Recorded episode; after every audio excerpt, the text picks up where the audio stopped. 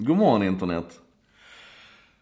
När vi pratar om AI och artificiell intelligens så handlar det ju oftast om att de ska ta jobben ifrån oss.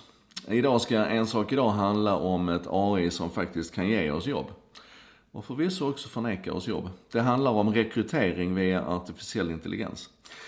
Så här, det finns ett företag som heter Eightfold. De har alltså lånat sitt namn ifrån den buddhistiska ädla åttafaldiga vägen. Vägen som leder till nirvana och som bland annat handlar om rätt handlingar och, och rätt eh, eh avsikter. Undrar vad Buddha hade tyckt om att man hade lånat hans fina åttafaldiga och ädla väg till, eh, till ett rekryteringsföretag som jobbar med AI. Men i alla fall, de, har, de förklarar varför de heter som de heter och det får, man väl, det får man väl uppskatta att de har lite så. Anyway. De här två snubbarna som har startat det här företaget. Den ena har bakgrund på Google IBM, den andra har bakgrund på, på Google och YouTube och Facebooks, eh, arbete med Facebooks newsfeed. Två otroligt tunga ingenjörer. Tillsammans så har de 80 patent och över 6000 eh, referenser i forskningar. I, i, i rapporter, och och forskningsarbeten. Så de här, det är tunga ingenjörer. Eh, kanske också ett av, en av mina så här, mm, kunde inte åtminstone en av dem varit en, en HR-människa. Anyway. Folk tror på de här. De har fått över 24 miljoner i, i investeringar från tunga investerare. Och eh, det de gör är helt enkelt att de, helt enkelt ska jag inte säga för det här är fan inte enkelt någonstans. Men det de gör det är att de börjar med egentligen att skapa en karta över ett idealföretag i vilken industri eller bransch eller kategori som helst. Och det gör de genom att de suger in öppna data ifrån Wikipedia och LinkedIn och överallt så samlar de på sig data.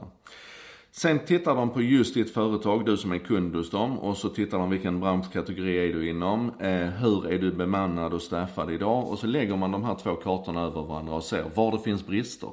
Vilka kompetenser, erfarenheter och kunskaper som saknas i ditt företag. Naturligtvis så får du också själv lov att önska vad du vill anställa för något. Men, men man kan alltså även automatisera den processen och se vad som behöver anställas.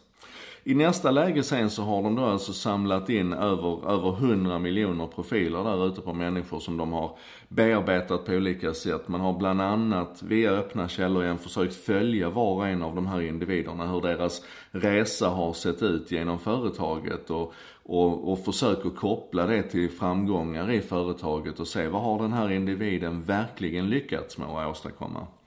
Ehm, och naturligtvis en massa, massa vanlig så här faktisk data också på vad de, vad de, vad de är och sådär.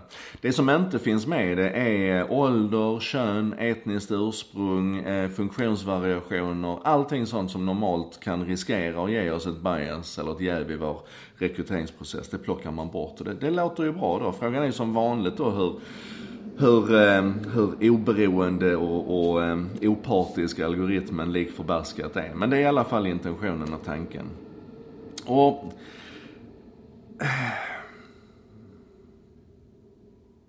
Jag tycker det här är spännande och, och enligt deras egna uppgifter och siffror så, så verkar det ju funka ganska bra. De har alltså redan 100 betalande kunder. De har processat över 20 miljoner ansökningar och bearbetat över 20 miljoner ansökningar och börjar ju få lite data här nu och kan se att deras träffprocent, alltså människor som, som faktiskt eh, kommer in och, och får jobb då, det är, de, de har över 700% högre träffsäkerhet i den här matchningen och, och jämfört med industrisnittet och i rekryteringsbranschen. Och hävdar själv att processen har effektiviserats i tid och pengar med över 90%. Och det här låter ju grymt. Det jag tror vi behöver fundera över, det är kanske två tankar så här. Den ena det är hur det, hur det rent allmänt känns att, att bli rekryterad av ett AI. Eller dissad av ett AI. Det kanske är så att det känns skönare för då vet man att det är gjort på någon slags faktiska grunder istället för att det sitter ett mänskligt bias där i bakgrunden med nepotism och allt vad det nu kan vara. Men ändå, att maskinen ska bestämma om jag ska få ett jobb eller inte. Även om slutfasen är manuell. Den andra tanken det är att vad händer om AI kommer fram till att nej men på den här positionen ska vi inte ha en människa. Här ska vi ha en maskin, här ska vi ha ett AI. Så att AI börjar rekrytera AI. Då börjar det bli riktigt jobbigt kanske. Mm. Fundera över Eightfold. Eh, fundera över din egen syn på det här med att AI börjar bestämma över människor. Och så ses vi imorgon igen För det här var En sak idag, producerat av mig Joakim Jardenberg med benäget bistånd av vännerna på Bredband2, internetoperatören som gärna lyssnar när andra snackar och som hjälper till att sprida det här goda ordet. De gillar ju internet, precis som du och jag.